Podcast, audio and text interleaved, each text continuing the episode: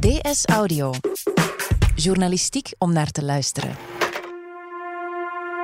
In Sicilië verrijkt de maffia zich al jaren met behulp van Europese landbouwsubsidies. Wie in Zuid-Italië tegen deze subsidiefraude vecht, bekoopt het haast met zijn leven. Wat is er aan de hand in Italië? Hoe gaat de maffia concreet te werk en over hoeveel geld gaat het precies? Het is vrijdag 7 februari. Mijn naam is Niels de Keukelare en van de redactie van De Standaard is dit DS Audio.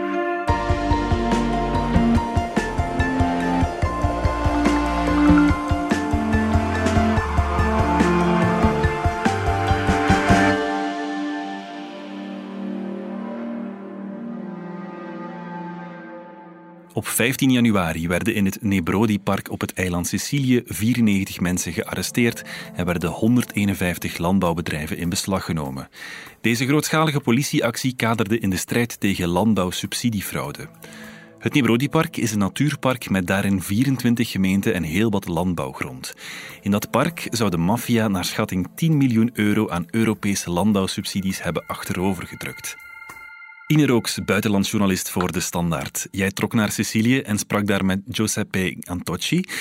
Wie is dat en waarom is hij belangrijk in dit verhaal? Ja, Giuseppe Antocci is een bankier en hij is uh, in 2013 aangesteld als beheerder, als directeur van dat grote natuurpark, Nebrodi Park.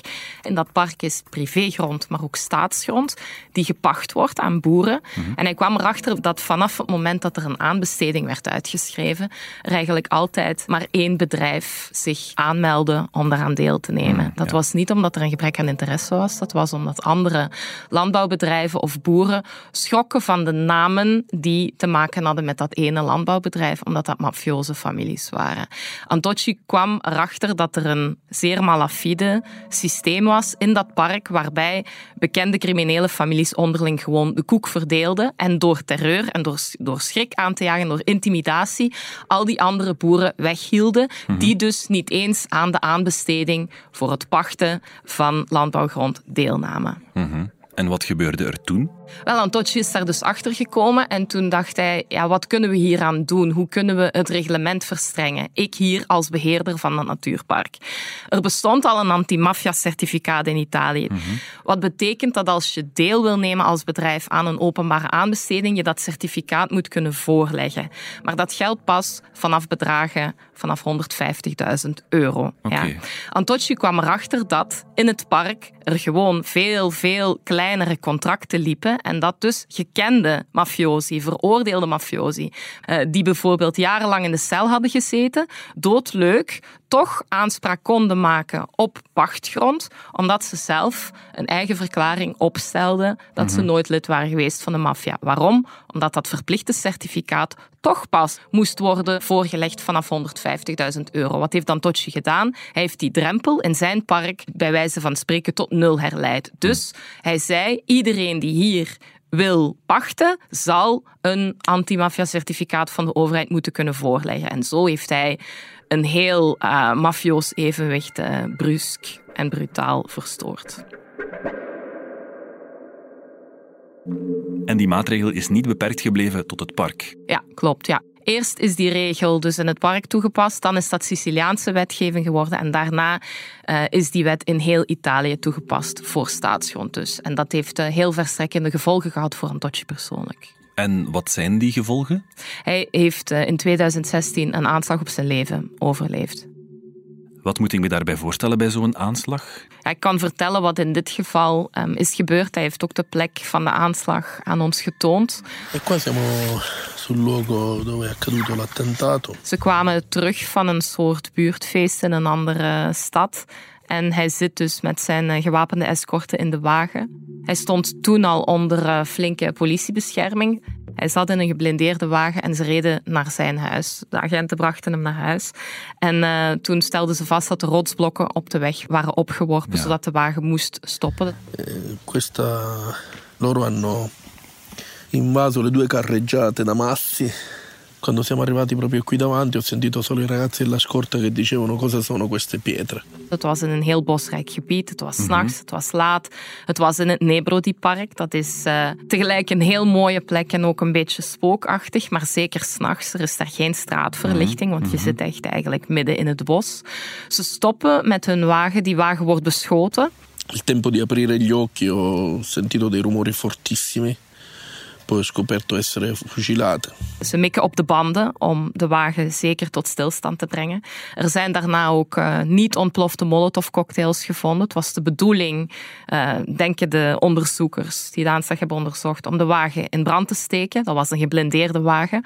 Zodat zij moesten uitstappen om niet uh, levend te verbranden. En dan zouden de daders zijn één voor één, dus Antocci zelf en de agenten die hem beschermden, hebben kunnen doodschieten. Hm. Maar dat is niet gebeurd. Die aanslag is nipt verijdeld. Door een heel groot toeval eigenlijk. Er waren slechte gevoelens op dat buurtfeest. Er waren politieagenten die hadden vastgesteld dat bepaalde figuren daar rond waren aan het cirkelen. Mm -hmm. Mensen die bekend zijn. Ja. En op een bepaald moment heeft een politiecommissaris gezegd: wat als Antocci in gevaar is, moeten we niet uit voorzorg nog eens achter zijn escorte rijden. Heeft hij wel genoeg bescherming? Die extra politieploeg is op het moment van de, de aanslag aangekomen in het Nebrodi-park. Zij hebben de politieescorte van Sochi dekking kunnen geven, versterking kunnen bieden. En dan is er een vuurgevecht met de daders uitgebroken, die, niet wetend in het donker met hoeveel de politie eigenlijk was, daardoor zijn die daders op de vlucht geslagen. Ja. Zijn er ooit mensen veroordeeld voor die aanslag?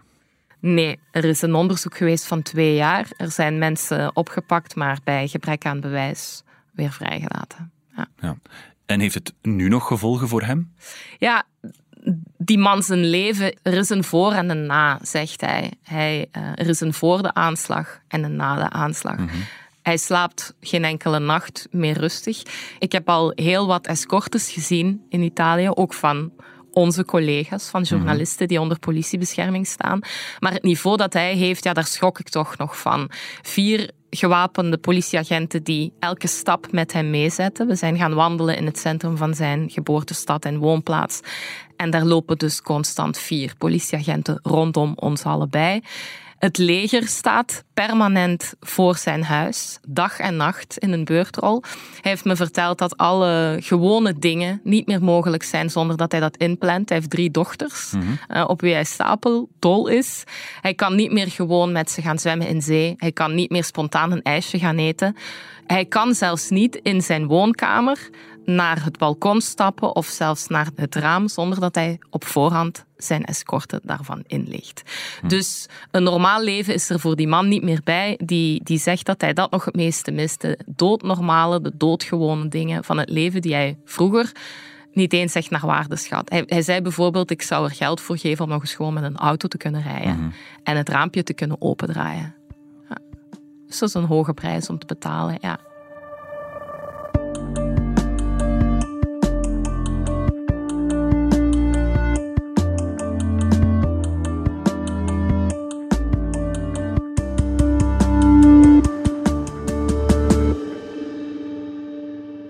De maffia gaat dus ver in de strijd om landbouwgrond, want Antocci is niet de enige die te maken kreeg met intimidaties van de maffia. Nee, klopt. Ik ben uh, in Sicilië ook naar Mezzoioso gereden. Dat is een klein, ogenschijnlijk schilderachtig landbouwdorp in de heuvels rond Palermo, in het noorden van Sicilië. En ik ben daar Irene, Ina en Anna tegengekomen in dat dorp. En ook zij vertelden me wat zij meemaken vergaande intimidaties sinds, uh, sinds hun vader is overleden. Irene, Ina en Anna zijn de beheerders van een landbouwbedrijf dat graan en veevoeder produceert. Bedrijf van 90 hectare groot, niet klein. Hmm. En uh, dat bedrijf zit sinds 1923 in de familie. Alles ging goed totdat uh, de vader van het gezin in 2006 overleed. En dan kwamen ongure figuren eisen dat zij het land mochten overnemen, ofwel pachten ofwel voor een belachelijk lage huurprijs van 5000 euro per jaar voor alles, voor de 90 hectare. voor de machines, voor het land te bewerken, de opbrengst, alles. Dat moest allemaal in die 5000 euro zitten. Omdat de zussen dat weigerden, ja, maken zij, maken zij uh, al jarenlang, sinds 2009 ongeveer, begon het echt heel intens, de hel mee. Hm. En wat, wat gebeurt er dan exact? Wel, zij verbouwen graan en s ochtends stellen ze vast dat uh, er tientallen koeien, schapen, geiten, paarden over hun land zijn gejaagd. Ze hebben dierenbloed gevonden in regenwater om hen angst aan te jagen. De sloten van hun eigen velden worden volgestopt met ijzerdraad, zodat ze die sloten zelf niet meer kunnen openmaken. Dat is een typische mafioze bedreiging, want als winkeliers in het centrum van een stad weigeren zogenaamd beschermgeld aan de maffia te betalen, dan worden de sloten van hun winkel volgespoten met lijm zodat ze niet meer met een sleutel open te maken zijn en de winkelier zijn eigen winkel niet meer binnen kan. Dus dat lijkt daar heel sterk op. En dan ook gewoon, uh, ze kwamen hen tegen en dan werd gezegd, als je wil dat het ophoudt, dat de koeien niet meer jouw land kapot grazen of vertrappelen, sluit dan gewoon een deal met ons. Maar die deal hebben ze nooit gemaakt. Nee, klopt. Um, ze hebben die pesterijen acht jaar volgehouden. Die pesterijen, voor alle duidelijkheid, die gebeuren nu nog. De laatste keer dat de omheiningen rondom hun land zijn kapot gemaakt en die tientallen dieren erover zijn gejaagd, was op 28 december. Hm. Dus uh, ongeveer een maand geleden. En na acht jaar hadden ze er schoon genoeg van en hebben ze een eerste klacht ingediend bij het gerecht. Het hield niet op. Het proces loopt nu, maar dat was de eerste van maar liefst 40 klachten van gelijkaardige acties. En het zijn bekende jongens die dit doen. Ik zeg niet zomaar dat dat, uh, dat, dat met maffia te maken heeft, vermoedelijk, want het proces loopt nu en dus het zijn bekende mensen. Ja. Dus het einde is daar nog niet meteen in zicht? Nee, het proces loopt uh, nog maar kort, nog maar sinds juni. Dat is kort voor uh, Italiaanse gerechtelijke procedures. En het onheil voor die zussen loopt ook verder. Hè. Dus niet alleen lopen die intimidaties en bedreigingen verder, maar de helft van het dorp kijkt hen met de nek aan in mhm. plaats van de daders. Maar ook klanten haken af. Ze raken hun, hun veevoeder en hun graan niet meer goed aan de man. Ze, ze vertelden me ook dat het al jaren moeilijk is om een maaimachine te huren met arbeider. Dus ze worden gewoon als, uh, als pestleiders geweerd. Dat is zo, zo schrijnend. Dat wie gewoon normaal wil leven en de regels wil respecteren en gewoon zijn eigen land wil, wil ontwikkelen en wil beheren, uh, plat geïntimideerd wordt en met de nek wordt aangekeken. Maar ze zeiden wel dat uh, dat ook een stuk van hun familie hen in de steek laat, ja, omdat ze naar de politie zijn gestapt. Maar die politie die beschouwen ze nu als uh, hun beste vrienden en, uh, en hun nieuwe familie. We hebben zelf gezien toen we er waren dat de Carabinieri, een ploeg van de Rijkswacht, voorbij reed en een oogje in het zeil hield en ook wel naar ons keek. Uh, om, om eventjes te checken hoe ze ons moesten inschatten. En nog iets heel aangrijpend vond ik toen ze vertelden dat hun twee lievelingshonden zijn afgemaakt door, uh, door, door de kerels die hen proberen te intimideren. Eén hond is vergiftigd op het land dat zij beheren en de andere hond hebben ze gevuld teruggevonden. Ja, dus die had alleen nog pels op zijn staart. En questi due erano vostri? Sì, questo era abbandonato, uno era abbandonato piccolino, un cucciolo, eh, si chiamava Beethoven. Mi dispiace, scusami. Me fatto trovare in una stalla. En toen ze dat vertelde, zijn ze eerst beginnen huilen en daarna heel woedend geworden. Een van de politieagenten die hen begeleidt en beschermt, vond dat zelf zo aangrijpend dat hij een, een uh, nieuwe hond heeft cadeau gedaan. Ja. En dat is een pitbull. Wel veelzeggend, denk ik, om ook de strijdlust van die zussen te onderstrepen.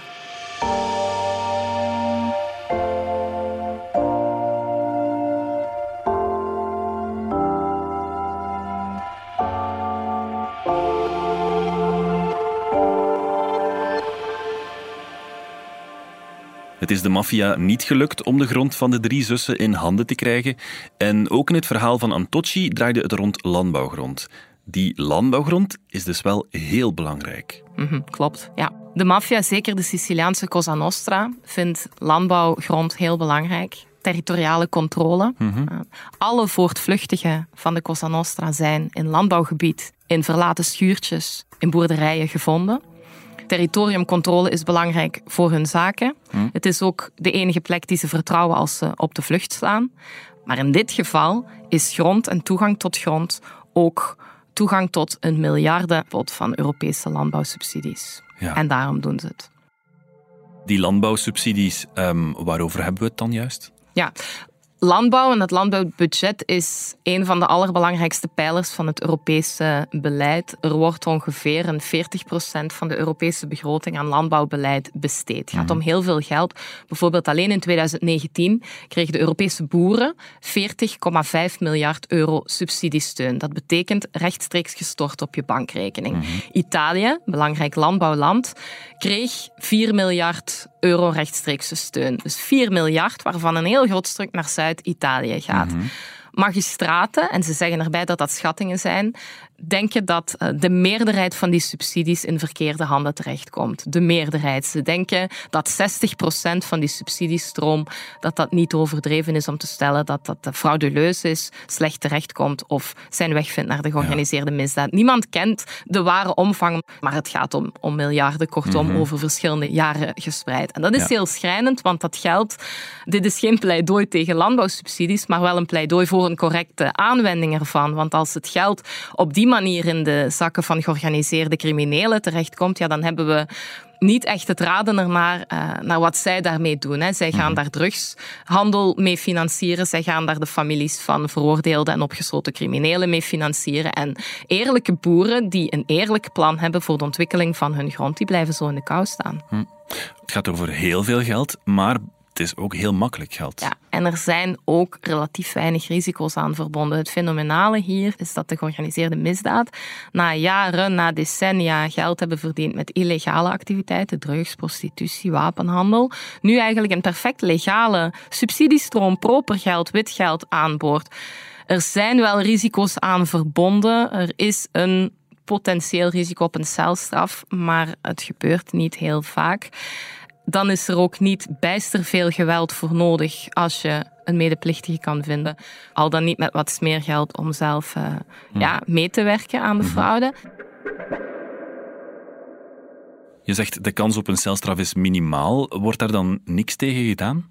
Jawel, er wordt eh, heel hard aan gewerkt, maar magistraten die ik kon spreken op Sicilië, die zeiden je, je staat tegenover een, een zeer grote groep fraudeurs. En je hebt dus gewoon ook voldoende mankracht nodig.